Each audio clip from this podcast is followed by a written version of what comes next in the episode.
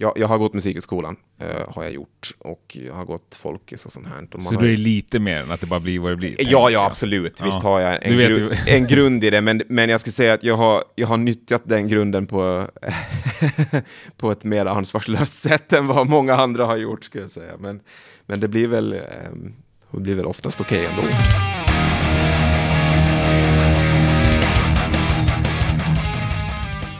Nej men varmt välkommen till avsnitt 252 av Rockpodden. Idag ska vi träffa en fantastisk gitarrist och sångare från den lite yngre kommande generationen. Filip Karlström har figurerat i blues-sammanhang sedan eh, sena tonår, men det där har han väl släppt lite nu och satsar fullt ut på sitt band Angstbadan. Om du inte har hört dem så kommer det precis som du önskar ett eh, smakprov alldeles strax. Angstbadan släpper sin andra platta Love and Mercy imorgon. Otroligt trevlig skiva tycker jag. Precis som Filip eh, är en otroligt trevlig kille. Så fortsätt att lyssna.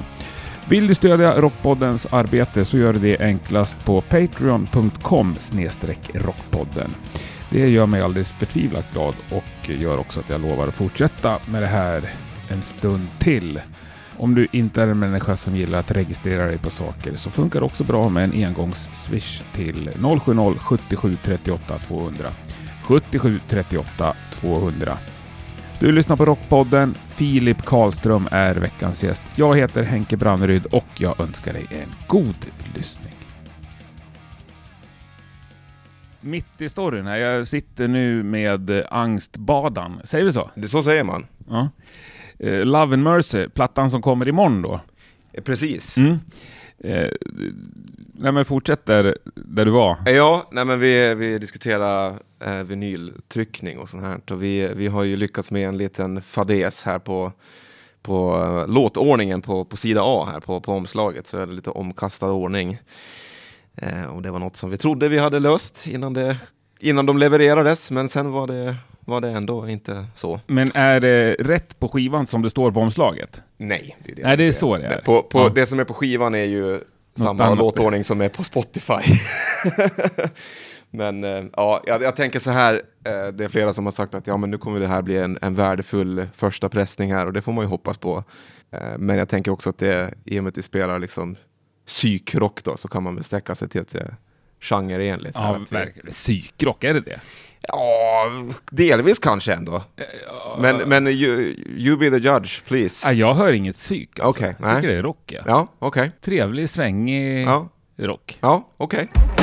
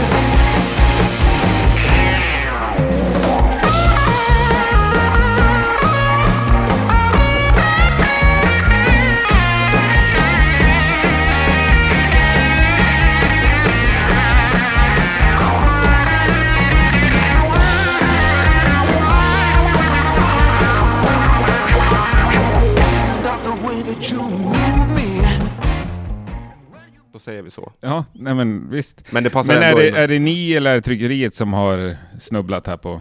Det är väl en kombination ska jag säga. Jag var så här när vi, eh, när jag fick notis att de var på väg så tänkte jag att eh, jag hade liksom någonstans förberett mig på att det kunde vara någon liten, eh, något som blev annorlunda så att säga, för att det har tagit så lång tid med det här. Det här är ju en platta som, vi spelade in den i princip samma vecka som coronan kom till Sverige och, och alla var skitskraja och tänkte att undergången är här.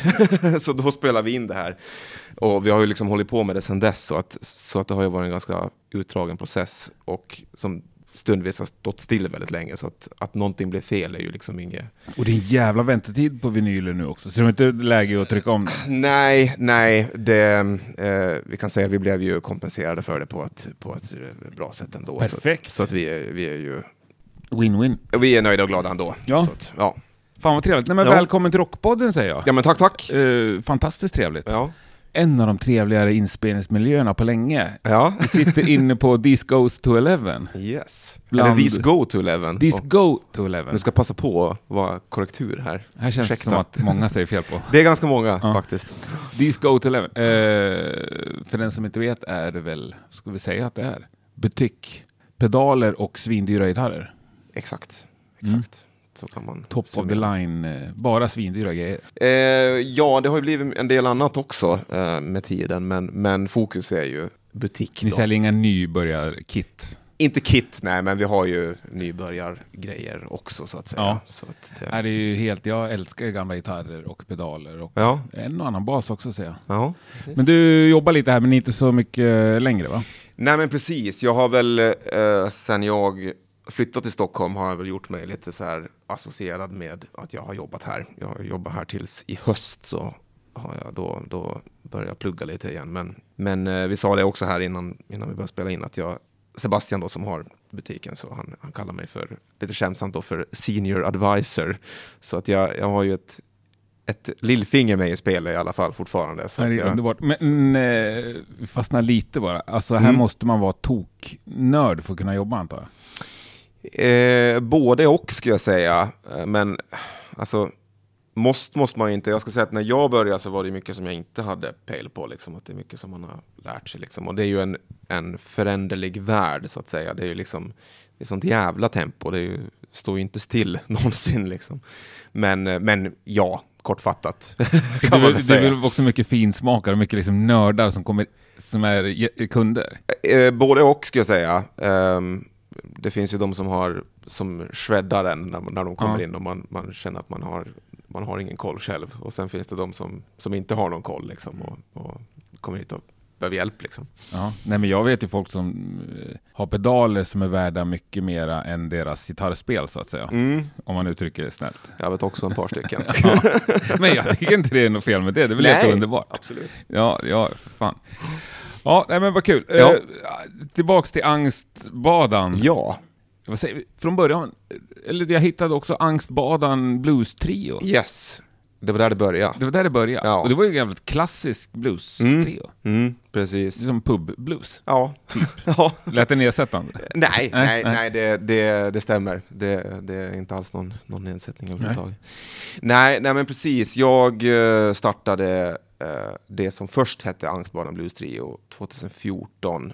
Och det var då med en annan sättning än vad som är nu. Och då var det liksom, ja men då var det liksom blues trio liksom. Då var jag väldigt inne på det där att det skulle vara någon slags Texas blues trio grej liksom. Jag, jag hade inte kommit så långt att jag kände att det var många som hade gjort det redan. Att- men du var jävligt ung då, måste det ha varit. jag var 21, 22 var jag då. Ja, det är ganska ungt ändå. Ja. För att spela eh, liksom gubbig blues. Ja, ja, ja, visst. Det har man väl alltid varit. Det är väl, vad ska jag säga, både förbannelsen och eh, eh charmen med det här med att spela blues och, att, och inte vara liksom 50. är att man är ju alltid så ung. Liksom. Det är ju både roligt och, och ibland så blir det så här att, jo, men när, när kan man få bara vara uppskattad som musiker då? Eller vad ska jag säga. Men, men eh, ja, det är ju alltid kul när man blir uppmärksam. Men när tog du bort blues-trio-tillägget? Det var... Ja, jag, jag spelar med, det var Magnus Ibsen och Tobias Gustafsson hette de som jag började det här projektet med. Och eh, när de eh, hoppade av, eller ska jag säga, vi, vi beslutade att gå skilda värld, världar, vägar för att logistiken inte gick ihop då med var vi bodde och sådär. Och då, då så tog jag ju in eh, Josse Kalla och Elin Tannendal på trummor respektive bas. Ehm, och då, blev, då bestämde jag mig för att jag bara ska kalla det för angstbanan. För att jag också ville lite någonstans komma ifrån att det liksom så här, ja, jag, jag är ju liksom så här, jag, det, man, man skriver väl ur, ur ett bluesigt perspektiv och, och musiken är ju liksom definitivt rotad i, i någon slags bluestradition på ett eller annat sätt. Men, men jag ville också liksom kunna expandera det om jag, om jag eller om vi ville så att säga. För att, för att när det het, ett band heter Blues Trio så blir det ju liksom Då är man jävligt låst. Ja, och när man liksom vill då gå någon mer psykedelisk värld, eller väg då liksom, så kan det ju slå emot någon kantsten på vägen så att säga. Men körde ni covers också med Blues-trion? Lite grann, men, men det var ju också det kanske som Eller jag... covers heter nästan inte på blues. Liksom, ja men standard. Ja, säger. precis. Ja, lite grann gjorde vi, men, men jag var väl ganska tidigt inte så intresserad av, av det liksom, utan var mer intresserad av att göra någon egen variant Mm. på det liksom. Men som, alltså, in, att inte vara rädd för att ha tydliga influenser, ska vi säga. Det, och liksom att göra någonting eget, men också liksom göra någon slags tribute till vad man älskar, liksom, på något vis, utan att det blir Och vad är det då om vi inte lyckas höra det? Ja, eh, jag, jag är en sån där gitarrist som, som eh, eh, inte kom förbi Jimi Hendrix på något vis. Jag kom liksom aldrig över det där, eh, den där första förälskelsen, utan jag är fortfarande där på, på mångt och mycket. Men, men det har ju lagts till mycket andra influenser än bara, än bara det. Ehm, och det som vi alla har gemensamt är ju den här uppskattningen för eh, till exempel Allman Brothers Band och liksom den här amerikanska liksom bluesrock-grejen då, den här jamband-kulturen eh, är, väl, är väl vi alla liksom fästa vid. Liksom. Men, men specifikt Allman Brothers har vi väl varit fästa vid sådär gemensamt. Men. Nu har inte jag lyssnat in på hela plattan, men det jag har hört så är det ju ändå jävligt mycket orgel. Ja, bra. Ja, jag, jag älskar, alltså välspelad Hammond eller klaviatur kan jag nästan inte få för mycket av, när det sitter rätt. liksom, Nej, jag håller med. Jag håller med. Och det, mm, det var ju också något som man ville komma åt med att inte heta trio. Var Ja. ju det att man kunde expandera mängden mer folk. Ja. För att vi gjorde en, en, den sista, nej inte sista, men vi, vi, gjorde, vi gjorde en singel med, när det ännu hette Blues Trio, eh, som heter Feather in the Tree, där vi hade Petter Andersson med och spela eh, keyboard. Han var ju med i, i Angstbaren också ett, eh, ett tag sedan efter det. Eh, och, och där någonstans föll lite polletten ner för mig att vad skönt att inte behöva göra allting själv som gitarrist. Men eh, har du hängt liksom mycket i Stockholms blueskretsar? Så här? nu, Den här har jag blues, väl, Bluesjam-familjen? nu har jag väl gjort det, eh, ska vi säga, en del. När jag flyttade till Stockholm så då, då var jag ju väldigt sådär eh, girig just, och gick på, på jam och sånt här. Um, och jag spelar ju på, på Stampen frekvent, kan man väl ändå säga, både med Angstbanan och sen med andra projekt. Då. Så att absolut, och, och jag är ju väl bekant med de, alltså Matte Gustafsson och Lisa Lystam och, och Ida Bang och, och liksom peers så att säga, eh, jämnåriga som håller på med, med, med samma eller med liknande saker. Så. Och det är ju väldigt kul, det är något som man alltid har liksom på något vis längtat efter att kunna vara i, i, i ett sammanhang där, det, där man har liksom folk med, med inte bara gemensamma intressen som musik då, men också liksom en, en eh, samma liksom nisch då. Ja, jag fattar. Det, det är väldigt berikande liksom. För du kommer från Åland. Jag kommer från Åland, ja. Precis. Det är kanske lite mindre sammanhang och... Där är det mindre sammanhang, men det, det finns eh, en och annan bluesrev där också, ska Ja, sägas. jag- Så, och, som absolut är värd, eh, de är vär- värda en, en, en, en, en omnämnande, så att Ja. säga. Och, och absolut, där finns det ju, det, har ju, det betyder ju väldigt mycket det, det som man fick då, liksom, i, i, i begynnelsen. Men har vi Ålands tre bästa band så här, alla kategorier? Hur tänker du? Ja, men... Om, om vi skulle vara det alltså? nej, nej, nej. Alltså, nämn Ålands tre bästa band.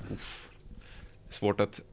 man kan ju dra den här klyschan att man känner alla, så det, Ja. vilket är ju inte helt sant. Men, men eh, det blir svårt att vara eh, objektiv. Men... uff. Nu ställer du... Du behöver inte vara objektiv. nu- Det är ju, nu ställer du det är din åsikt. eller? Ja, exakt. Nu Jag tänker mer för att placera den på musikalisk karta. Jag har sjukt dålig koll. Jag känner Det till blir- begravningsentreprenörerna, det är de enda tror jag. Ja, precis. Ehm, det finns en, en kille, han bor väl i Stockholm nu mestadels, som het, han, han kallar sig för Bromander, som är, eh, han gör liksom indie-pop. Väldigt bra, väldigt, väldigt bra faktiskt. Och sen, eh, det, tyvärr, eh, jag ska säga så, jag, jag, jag, har inte bott där liksom på heltid så länge, så det, det kan vara att jag missar grejer, men Men vad är det Men- största genom tiderna från Åland? shit. Det finns inget så här... eh, Jag har svårt att säga, måste jag säga. För det, det, blir, det blir på något sätt så här, det blir, det blir så stängd marknad någonstans ändå om man är från Åland. Det är det som är lite... Ja, men finns det något som har något liksom världsrenommé? Nej. Nej. Med, Nej, med, med, med, alltså, jag vill reservera mig här om det är någon ålänning som lyssnar och bara jo för fan, nu sitter han och svamlar så, så Ja, men det är jag. liksom inte... inte... Men inte vad jag kan komma på så här, men, men, eh, men eh, jag, har, jag hoppas att jag har fel. Mm. Men man har ju många bekanta sådär som, som, som sysslar med saker, men, men eh, de är väl lika underground som en själv kan, i många fall. Ja, liksom. jag fattar. Mm. Men det där med Stampen, liksom, det, Mm. kände du att det är ert ställe för angstbaden? Eller vad, vad tänker du? Om, du? om vi tänker liksom Stockholm eller Sverige, så här, vilken typ av ställen? Det eller Geronimos, ska jag säga. Nu ska vi ju ha release-gigget på Geronimos, vilket känns sjukt kul. Vilket, Det det, är... är ju liksom i källaren då till Stampen. Ja, det vet liksom. jag. Men gigget är... Eh, det gigget är den första december. Det är ju nu på onsdag. Precis. Ja, då kommer jag vara där. Ja, Det men törs jag lova. Ja, härligt. Mm. Ja. Nej, men det är väl, vi har ju spelat mycket på Stampen eh, och det är mycket för att jag har blivit liksom, god vän med, med, med många som jobbar där och, och sköter bokning och sånt här. Då. Så då har det blivit naturligt att man, man spelar mycket där. Då. Men, men jag skulle säga att i och med att jag liksom någonstans tänker liksom angstbadande som mera rock liksom, och någon typ av psykedelisk rock så, så känns liksom ett ställe som Geronimos kanske det som det mest givna. Liksom. Men, men det, det har vi ju liksom, det är ett projekt fortfarande att, att Ja, etablera sig på så sätt. Verkligen, och det är ju liksom välspelad skön rock. Jag tror att jättemånga kommer att uppskatta er. Ja, Bara de härligt. får se er. Ja, vad härligt. Det är väl det som... Det som krävs. Ja, och, ja eller höra, men det är ju Mm. det som är kruxet, så att säga. Att få folk att lyssna på en. Ja, precis. Och vi var ju, det där blev ju, vi, var ju, vi, vi släppte ju en platta 2018 som heter The Chase. Den finns att lyssna på. Också om man är intresserad av det. Och då var vi ute och spelade liksom runt om i Sverige och vi var till Köpenhamn och spelade. Vi var till någon, sväng, någon kort sväng till Tyskland också och spelade liksom. Och då fick man väl, då kändes det som att man hade medvind någonstans. För vi har ju ändå alltid varit lite ganska små om man liksom jämför med ja, till exempel Mattes och Lisas olika projekt. Så, här, så de, de är ju liksom, för de, de går liksom tåget på något vis. Liksom. Men, men, men vi är väl fortfarande kvar i det här att man, man får stånga sig blodig stundvis. Liksom, tycker att, om det också, tror du? Om jag tycker om det? Eh, Tycker de det? Matte Ja, och det, Lisa? ja, det vet jag inte. Det, det, det, det, det har jag ingen aning om. Men, det men, men i mitt perspektiv... Jag älskar Heavy Feather, men det, det är ju lite Absolut. samma som... Ja, kanske. Fast samma, fast ändå inte någonstans. Jag, det är ju såklart, det blir ju det blir alltid olika det är olika folk. och det är verkligen, det är ingenting jag tänker på när jag lyssnar, men om jag tänker, skulle jag ha en skivaffär så skulle jag nog hamna i samma del Ja. av butiken. Ja, men visst. Ja. Och, och jag och, och, och Matte speciellt har ju väldigt mycket samma sådär influenser när det gäller gitarr och sånt där. Så har vi ju gemensamma nämnare liksom. Men apropå det då, jag tänker att han spelar mest på Gibson. Vad, gör du det också? Eh, jo, men jag gör det faktiskt. Jag har ju varit en sån där, eh, som sagt då, en, en eller är ju fortfarande en, en, en Hendrix-fanatiker. Ja, jag, har- och då är det ju inte Gibson. Nej, så jag har ju spelat goda mycket strata i mina, mina dagar. Men, men eh, sen, så, sen så skedde det ett skifte där. Dels medvetet och dels omedvetet. Så nu spelar jag mest eh, 345 då, som är en, en variant på Ja, men en sån här. Det är precis en som ser ut 35, sådär. liksom. Ja. En sån som Dregen har tänkt säga. Det kanske, Ja. det kanske jag svärar. Nej, nej, Nej. inte alls. Inte Nej. alls. Halvakustisk liksom. Ja, precis. Aldrig tele. Lite grann, det har jag också gjort en del, men, men eh, det är väl delvis, ska säga, det där, på, alltså, om, vi, om vi tar nu, Mm. eh, så orsaken till att jag liksom lite håller mig ifrån liksom Fender-grejen är för att det är så många som spelar Fender, känns det som. I alla fall Ja, när ja, man har stått här i butiken. Gibson är sjukt ovanligt. Nej, nej, det, det, det är inte, inte att det är så, men, men i alla fall i den miljön som jag har varit här i butiken så är Ja. det definitivt vanligare att folk liksom spelar strata eller liksom tele. Liksom sådär. Det, och man brukar ju säga att ja, man kan göra vad som helst med tele, och absolut, det kan man, men, men jag är jävligt trött på att höra det ärligt talat. Jag, jag gör hellre någonting annat, liksom, även om Ja. det som jag gör annorlunda inte är unikt på, på så sätt. Liksom. Men, men det blir unikt nog för mig någonstans ändå, på något vis. Eh, för att jag är ändå liksom kvar i den där bluesrock, liksom Hendrix-tänket någonstans. Liksom. Men, men det blir inte kanske lika sådär...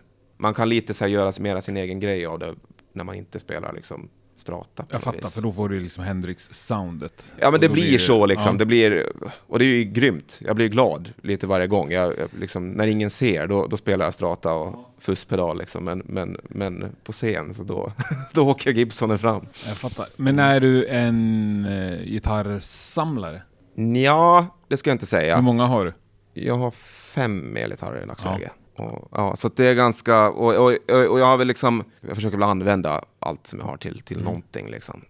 Jag, för det första så har man inte ekonomi att hålla på sådär. Men det är klart, alltså man är väl, man är ju skadad av, av sin miljö och av, av sin tid man lever i. Att det liksom är, det är på något vis någon slags rockstjärnedröm att man ska ha en stor samling.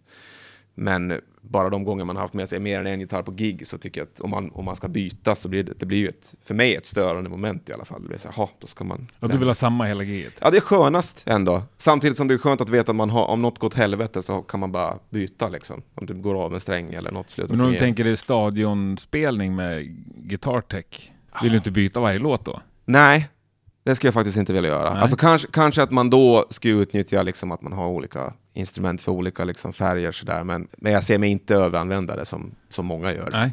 Nej, ja, ja, nej. Eller man kanske är tråkig. nej, nej, nej, absolut inte. Men du, sången då? Mm. Om vi ska snacka lite det. Är det bara eh, som ett ytterligare instrument eller? Det blev ju som en så necessary evil-grej någonstans Mm. för min del. Det är väl där många börjar, tänk, hör jag i alla fall folk säga. Ur det perspektivet? Ja, Ja, det, det kan nog vara. Eh, Jag hade väldigt svårt för den här början. Och jag tycker fortfarande ibland att det är så här jobbigt. Det värsta jag vet är att soundchecka, soundchecka sång. Det är fruktansvärt jobbigt. vad gör du då? Vad säger du? Jag brukar säga en massa dumma saker. Um, ett, två, nu testar vi sång, sådana saker. Och sen är det vissa dagar när man är, känner sig proffsig och man faktiskt sjunger på någonting som man, på det sättet man kommer att sjunga. Ja. Men eh, ja, man, man tragglar väl sig igenom det på något sätt. Men det har väl ändå blivit mer bekvämt har det blivit med, med tiden. Men, men det känns ju ibland fortfarande som att man vill gömma sig bakom sin gitarr sådär. Men, men samtidigt så när man, när man väl är, är i det och, och spelar på scen sådär så då, då släpper man det liksom. Det är när man måste vara medveten om det om man spelar in eller liksom just soundcheckar. När det blir så här under luppen på något vis. Men hur mycket tid lägger du på sången kontra gitarren liksom? Ja, det är ju för lite såklart. Fast det, det, man försöker ju, man blir väl förhoppningsvis äldre och klokare med åren, man försöker ju lägga liksom mera tid på det liksom. Eh, eh, ju mer. Och till en början så var det, då gjorde man ju bara och hoppades att det blev bra. Men man har ju lyckats bygga upp någon slags medvetenhet om, om vad man gör och hur man gör och, och varför. Sådana saker. Så Ja, för jag tänker, ska man ut och lira mycket, då är ju det ett jävligt viktigt förhållande Absolut. liksom, Absolut. till sin röst. Ja, precis. Men jag skulle säga generellt så är jag, alltså även med gitarr så är jag liksom, det finns ju liksom musiker som är så här ultramedvetna om vad de, vad de gör liksom. När de, när de spelar och när de spelar in, att de liksom hela tiden har liksom en, en, en klar analys av vad de gör. Men jag har liksom aldrig egentligen varit så liksom. Jag, jag står inte och räknar slag och jag, jag står liksom inte och, och tänker att nu ska jag träffa den här tonen och nu ska jag liksom göra si eller nu ska jag göra så. Utan det är liksom, det, det blir vad det blir någonstans i slut. Men, och, det, och det kommer ur någon slags... Eh, eh, Jag eh, fattar. ja, Men hur, intuition hur och- kunnig är du rent teoretiskt? Är du liksom utbildad? Ja, absolut. Jag, jag, jag har, absolut. Jag, jag har gått musikhögskolan, eh, har jag gjort. Och jag har gått folkis och sånt här. Och Så har, du är lite mer än att det bara blir vad det blir? Ja, ja, absolut. Visst Ja. har jag en, gru en grund i det, men, men jag skulle säga att jag har, jag har nyttjat den grunden på, på ett mer ansvarslöst sätt än vad många andra har gjort, skulle jag säga. Men, men det blir väl, ehm, det blir väl oftast okej ändå. Så Ja. att, eh, och det är väl delvis också, alltså, delvis är det ju liksom att man är lite bekväm, men sen är det också kanske ur någon slags sån här genremedvetenhet. För mig är det, om jag liksom lyssnar på B.B. King eller Albert King eller Jimi Hendrix för den delen, så, så har jag jag, väldigt svårt att tro att de liksom stod och var så här ultra medvetna om, om vad de gjorde, utan Ja. det var ju, det bara skedde liksom. Och, och kollar man liksom live-grejer så är det ju definitivt inte alltid det blev perfekt. Men oftast så blev det ju bra och väldigt bra. Och det där är det är det man vill bli, liksom, på något vis. Ett med sin musik, liksom. Och, och det är ju högtravande att sitta och prata om det så här, men, men ehm, ja, ta mig inte på större allvar än vad det kanske låter nu, men, men, men, men det här, ehm, eh, men det är ju ändå, något måste man ju sikta mot och det är väl det man siktar mot. Man, Ja, det är ju dåligt att ha dåliga förebilder. Tänker jag. Såklart. Ja. det verkar ju dumt. ja, När B.B. King finns där. exakt. Exakt. Eh, också en fantastisk sångare. Eller hur? Alltså, det, eh, jag kan tycka att han är bäst i världen när jag lyssnar på honom. Ja, ja men då, Ja. ja. två. Ja, Ja, men han är på något vis, han är liksom bluesvärldens Frank Sinatra på något vis. Han är liksom, han är så otroligt elegant i allt, allt han gör, Ja. samtidigt som det är så, det finns den där råa, råheten Mm. bakom det hela också liksom. Nej, jag hade en period när jag nördade ner ordentligt på honom. Och han är ju också så här, eller det är ju många, men som är så otroligt många olika versioner av sina egna låtar. Ja, precis. Det där tycker jag är svincoolt. Ja, Alltså. För verkligen. det gör det intressant att följa en artist. Ja, eller Om man hur? lyssnar på tio liveplattor så är det helt olika. Ja, Det tycker jag är få eh, bra på. ja, nej det, Kanske inte egentligen heller. Alltså skulle Metallica börja spela andra versioner av sina låtar skulle ju folk gå hem. Eller är en bossa-variant på Nothing Else ja, då skulle det bli ett jävla liv. Ja, ja, ja. ja. Vart spelar ni in plattan? Vi har spelat in i Studio Lur. Studio Lur, och vart hittar vi den? Det ligger i Sickla.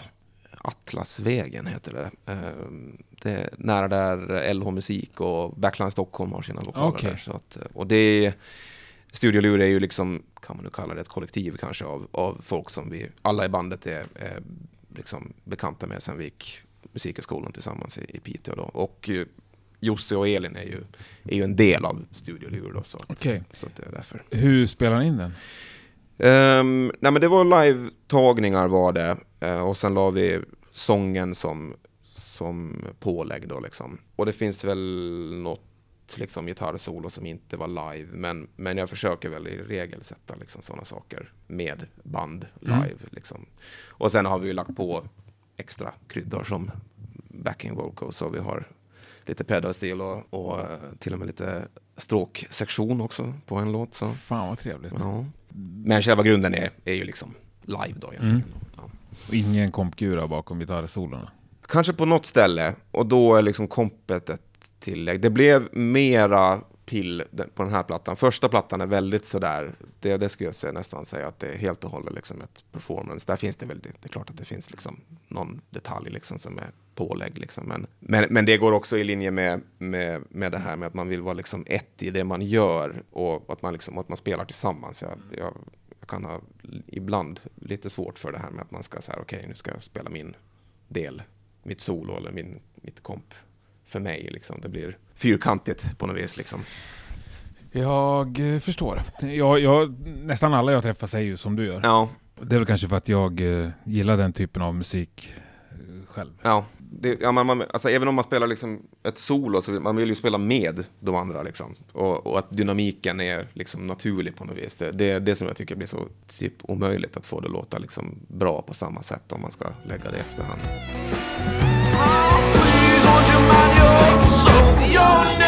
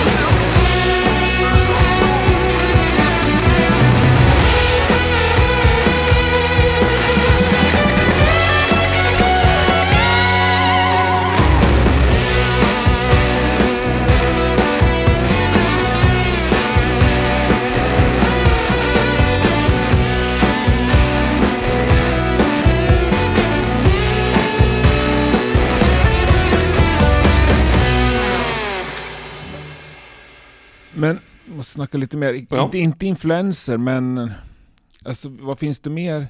Förutom B.B. King och Jimi Hendrix och de som faktiskt inte lever. Liksom. Mm. Finns det några nya stora som Absolut. kör den här eh, isbrytaren längst fram? Det tycker jag.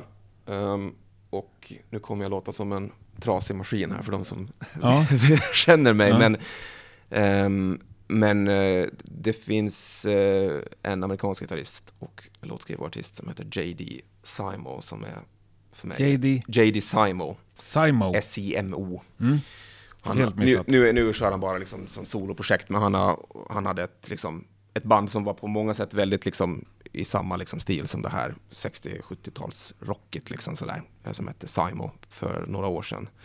Och de släppte två plattor som är, alltså, det, för mig är det liksom bland det bästa eh, nya som fortfarande låter gammalt så att säga. Det, det, det är verkligen otroligt bra. Och, eh, men det är väl, jag ska säga, det kan säga, det är en, det är en influens som jag, så här, jag älskar det, men jag försöker också vara medveten om att inte liksom låta det skina igenom för mycket, även om det är svårt. Men sen är ju såklart eh, Gary Clark Jr är ju, är ju definitivt en inspiration och när han kom var det ju liksom, det var ju en, en stor grej för mig. Och Doyle Bramhall är ju en annan sån där som definitivt pockar på ens uppmärksamhet. På, Så John Mayer, det... Nej, Nej. nej, den där poppiga biten håller jag mig lite ifrån. Sen finns det ju såklart sidor av det som kan vara bra, men, men John Mayer är en sån där artist som det, det är så här, det är så här musikhögskoleartist för mig på något vis. Är det liksom. det? Ja, eller det- det var, det var i alla fall, för mig var det det. Det var Ja. liksom, om man, om man sa att man spelar blues på musikhögskolan, så då var, då var det snabbt att man drogs under samma Jag kam. fattar, men... Att då, då var det liksom, Ja, och du är säker på att du inte och bara hela- tycker så för att han är så jävla stor liksom? Det kan ju vara en kombination av saker. Men, Ja. men, och, det, och sen, är jag, sen är jag definitivt färgad av, av att jag jobbar i musikaffär. Och då är ju John Mayer och, och de ljuden och, och de låtarna är ju ständigt närvarande liksom. Han måste väl ändå göra ett hästjobb för att få liksom en yngre generation att börja lyssna på Absolut, blues? absolut. Det, det, där har jag ingenting annat än, än, än respekt och så. Och faktiskt den här, den här senaste plattan som han släppte som var liksom mera sådär 80-tals nostalgisk. Jag, jag har inte lyssnat. Jag vet att jag hade någon live-platta jag lyssnade jättemycket på för ja, några år han, sedan. han gjorde liksom någon sån här hommage till 80-tals Clapton typ här senast. Som, det, var, det, ja, det var ändå väldigt bra, måste jag säga. Mm. Ja, det måste jag kolla upp. Ja, för, för vad det är. Sen Ja. är det kanske inte liksom min first liksom, choice. Men, nej, men jag, alltså, allt som liksom har någon mera rocknerv är väl kanske mera sådär... inte- Men Joe Bonamassa då? där har jag varit och svängt. Eh, och han är ju liksom en sån där... Alltså det är ju nästan omöjligt att vara intresserad av gitarr i dagsläget och att inte liksom komma i kontakt med honom på något sätt. Liksom. Men, och där, alltså, ja. Ja, han är, han är, ju- han är en sån typisk... Eh, vad ska man säga?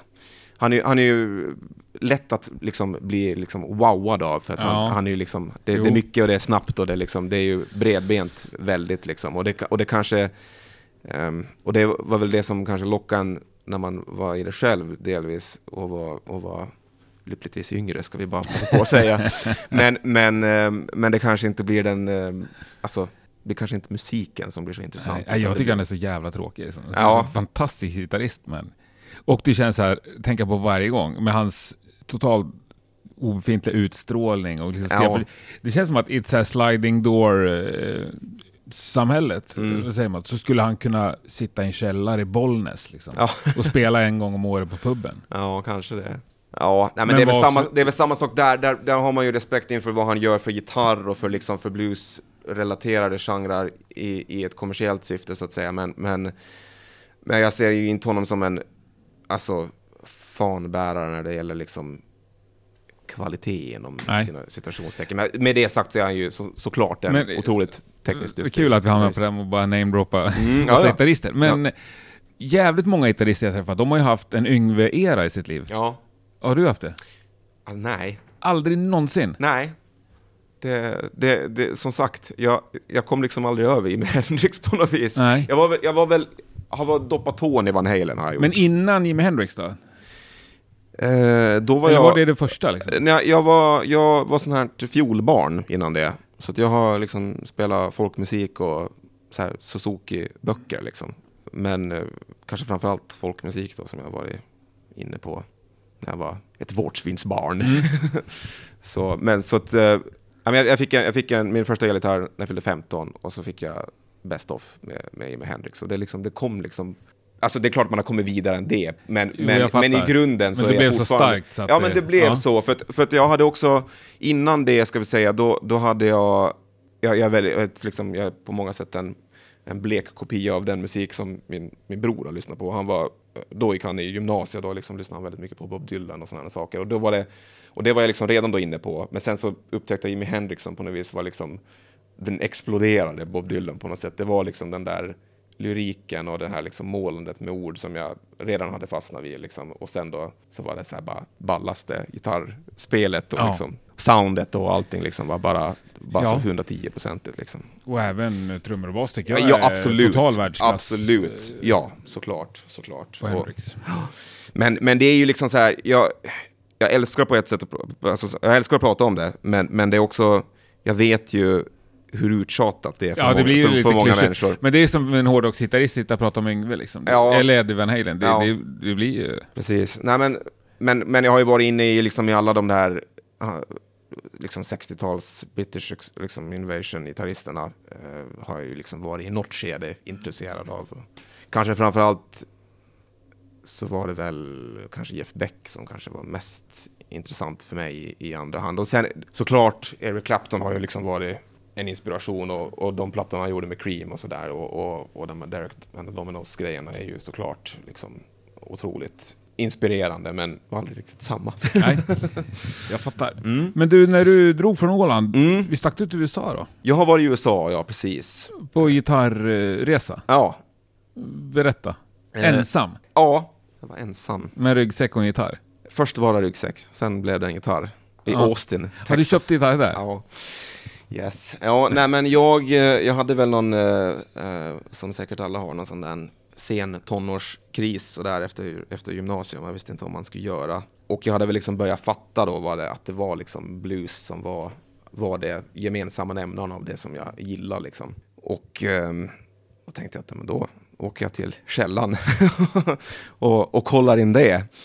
Men Eh, det- Förlåt om jag avbryter, men tänkte du åka dit för att liksom breaka eller tänkte du åka dit för att inhämta för, kunskap? ja, det senare, så att in, inhämta Ja. kunskap och, liksom, och bli inspirerad och, liksom, och lära mig saker, eller vad man ska säga. Liksom. Så jag var, jag, var väl, jag var aldrig ute efter att breaka på så sätt. Men hade du liksom en, en plan för hur du skulle göra? Vart jag åkte och så? Ja, eller, ja, eller...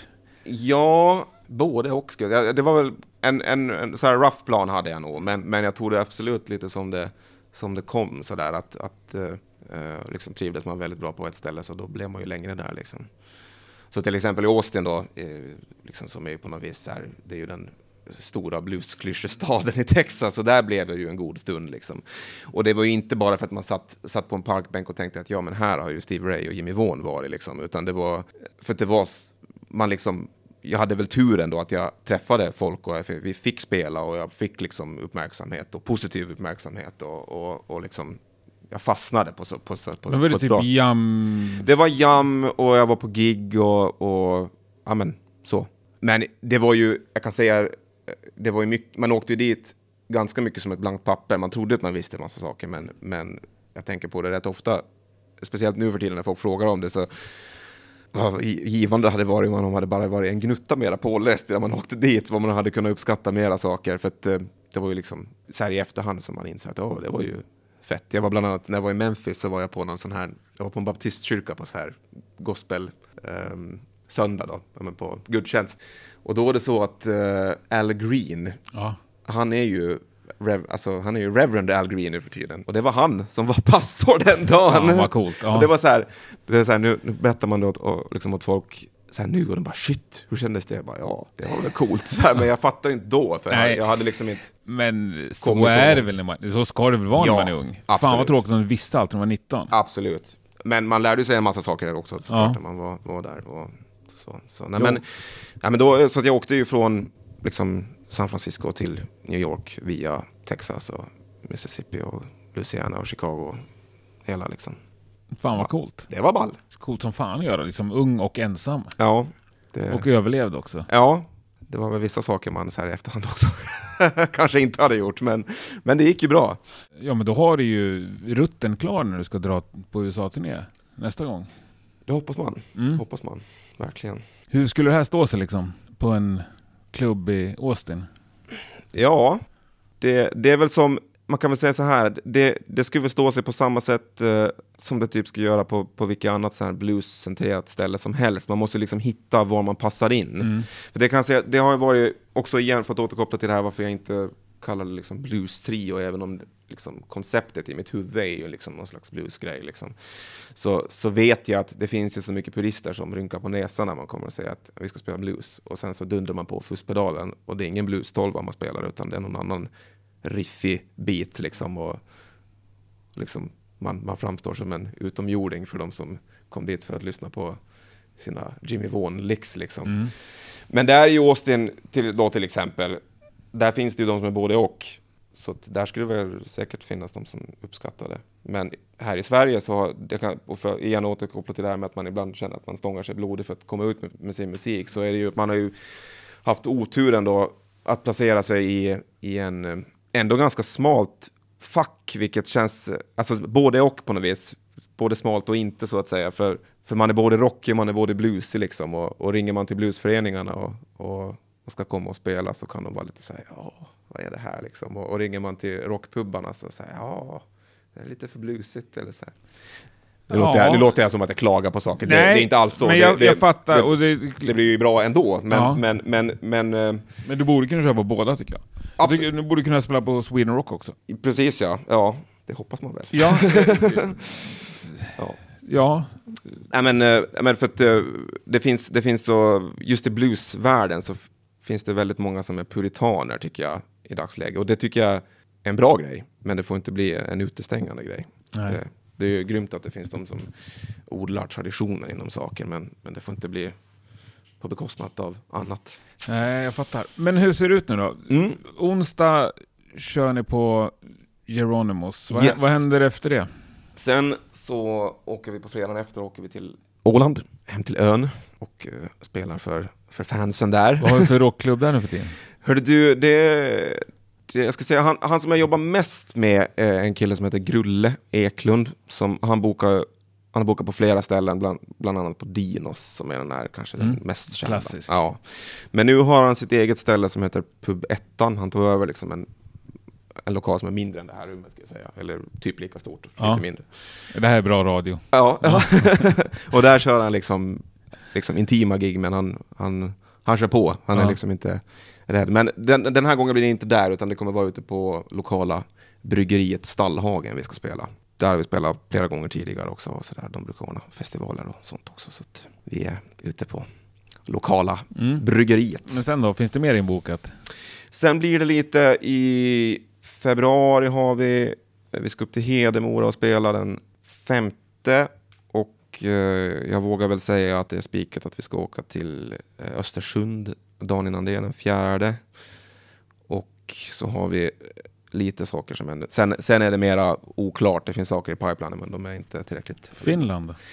Ingenting Eller är jag fördomsfull om man tänker Finland bara för att du är från Åland? Nej, nej. Eh, det är rimligt. Ingenting är nu. Vi var, vi var på gång. Vi skulle åka till Finland och spela innan pandemin. Då hade vi bokat ett gig i Vasa där som vi ska åka och spela på. Men sen kom det en pandemi. Men där har det varit också sådär. Jag ska, jag ska inte låta som att jag klagar att det är svårt att komma ut med sin, sin musik. Det är ju det. Men, men, jo, men, det, det får du göra. men ehm, Vill inte klaga, det är en utmaning. Nej, nej, nej. Nej det är en men jag- utmaning som ja, det heter på ja, japanska. Ja, precis, exakt. Nej, men, eh, tolka mig inte fel. Nej, men, men där har det också eh, varit liksom, det finns ju ställen att spela på, men, Mm. men, men där har det också varit delvis en utmaning att komma in liksom, och, och hitta liksom, vad som är de där hålen där, där man passar in, liksom, där det liksom inte blir för jazzblusigt eller liksom för hårdrockigt. Liksom. Men det, sen är det såklart eh, det, botten viker emellan och det är ett annat språk. Jag är från Åland men jag pratar inte finska. Nej. Och det, det blir ju liksom, det är klart att det blir en, en, liksom en barriär på så sätt. Liksom. Men det är absolut ambitionen. Ja, bra. Men, men eh, antaget då, det här som vi tjatar om nu, att det är Mm. svårt att nå ut liksom. Har du någonsin bara tänkt på att skita i det? Nej. Och bara spela för din egen skull? Nej, det har jag inte tänkt på faktiskt. Nej, du fortsätter liksom stångar mot den här Ja. betongväggen. Ex nej, men vi ska, nu ska vi göra en liten backturn här för att nu känner jag att jag har gjort för mycket intryck. Att jag beklagar mig över det. Nej, men alltså, jag har verkligen inget problem med att det är så. Nej. Och eh, man har ju spelat på ställen där, där det varit mycket publik och man har varit uppskattad. Och man har spelat på ställen där det har varit lite publik och man har varit uppskattad. Och, och det är liksom lika kul på något vis. Och det är för att det kanske handlar om att det, man gör ju det i förlängningen för sin egen skull. Liksom. I den mån, alltså i, hur mycket eller lite det än är liksom, och, och, och var den är så är, är man ju där i huvudsak för sin egen skull. Liksom. Och, och inte i den bemärkelsen att man liksom ska bli, att man, man, man liksom tänker att nu det är Wembley nästa, liksom, utan det är någon slags sån här eh, själslig liksom, grej som man behöver få utlopp för, liksom, att Mm. få spela musik. Liksom. Fast det behövs en mottagare antar jag. Det behövs såklart en mottagare, ja, absolut. Och det är det jag menar med att, att för mig så, såklart, man vill ju nå ut mer. Det vill man ju alltid göra. Liksom. Man vill alltid komma längre och man vill alltid att det liksom rullar på av sig självt och sådana här saker. Men i slutändan så, så handlar det om, om att man själv bara har ett behov av att liksom få utlopp av sig själv. Liksom. Ja, och det utloppet, består det i att få spela dina egna låtar? Eller skulle du Ja. vara nöjd med att eh, vara gitarrist bakom, ja, inte vet jag, spela med i Miss Lis band som gitarrist? Det hade ju absolut varit kul, men eh, och där, där blir det svårt. Alltså, ja, i vissa sådana, i typ ett sånt sammanhang absolut, då hade man ju, det hade ju känts betydelsefullt. Men liksom. hade du varit nöjd? Eller hade, hade, ju det alltid- räckt? Ja, nej, men man hade ju alltid velat göra sin egen musik, ska Mm. jag säga. Liksom. Och det, där har ju liksom jag som gitarrist gjort liksom ett någon slags medvetet val. Att jag, jag, jag är ju inte liksom hired gun-gitarristen som Nej. kommer att göra vad Får du som några helst. frågor?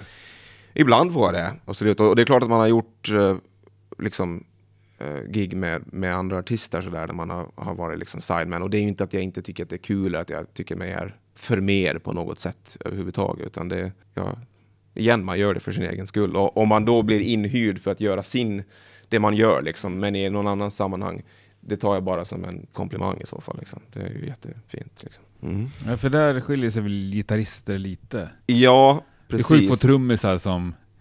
Sen kanske många älskar att vara i ett band och liksom den här, att man är med och skapar någonting tillsammans och så, men och även basister nöjer sig lite. Men gitarrister, ä- även sådana som spelar länge, länge med bakom en artist eller i ett band, Ja. så till slut när sångaren tittar bort, då vill de gärna släppa en soloplatta liksom. Ja, det kanske är vill så. de, nu är det min, min tur att, att Ja. skina. Ja, ja, det kanske är så. det här du, du lät- försöker analysera mig här nu. Nej, det, det, det gör jag inte alls. Det, det, där var mer en tanke som, det var en tanke som slog mig nu. Så. Ja, nej, men det stämmer nog. Och då ska jag passa på att, att nämna att, att jag, så här, nu har vi pratat om, om mig här nu väldigt Mm. mycket. Men, och, och det är jag som har dragit igång projektet Angstbaden och sådär. Och, Och det är ditt band. Så kan man väl säga, men, men, eh, men jag ser det definitivt som ett band. Jag, jag hoppas i alla fall inte att jag upplevs som någon slags diktator. Nej, det och, och, så, och sådär. ja. Utan jag, och, och, och jag skulle liksom inte vara någonting utan, utan de som jag spelar med. Liksom. Det, så är det ju verkligen. Och ja, men jag ser ju oss som ett band och jag säger ju inte att det är jag och dem som back, backar mig liksom, överhuvudtaget. Utan det, det är ju en gemensam effort liksom.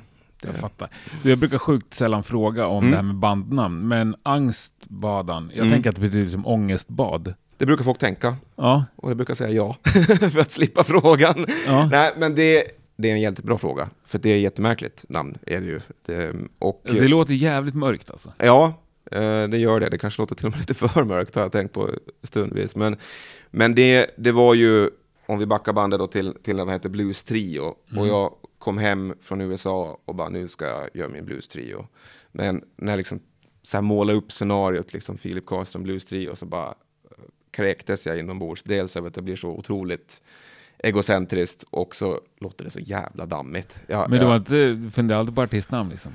Phil McKee? Ja, Nej. Fast jag, jag, är lite, jag, är lite för, jag är lite för självmedveten för att kunna göra sådana saker tyvärr, men det är kanske det man borde ha gjort. Men, men då, så att man kan väl på sätt och, sätt och vis säga att Angstbadan blev artistnamnet då, men, men nu, nu ser jag det verkligen som, som bandnamnet då, verkligen. Men var, var kommer ordet Det, ifrån? det kommer ifrån, alltså det, det är en så dum och märklig historia. Många brukar fråga och vara så här, tänk att nu kommer liksom den här Nej, Aha, ja, men det, det blir ganska platt fall. Men, Ja. men, men det, eh, det var som så här att när jag startade Blues-trion så då hade jag och en god vän, vi hade liksom drivit om en, eh, en lokal lärare som vi hade haft på gymnasiet tillsammans och något som vi trodde han hade sagt om ett lokalt eh, konstverk, en konstinstallation på, på Åland som vi då trodde hette Ångstbådan. Och vi drev om det där en hel höst. Liksom. Det var varje fredag och lördag när vi liksom drack öl och gick ut på, Ja. på krogen. Så ja, vi hade så kul åt det här.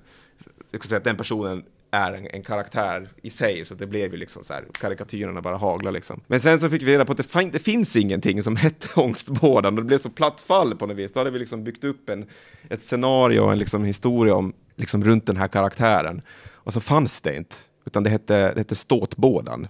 Det, det, det är en grej, liksom. Ja. det, är ett, det är inte bara ett konstverk, utan det är också ett ord som betyder liksom ensam ö, eh, ensamt skär, litet skär ute på öppet hav. Okej, ja.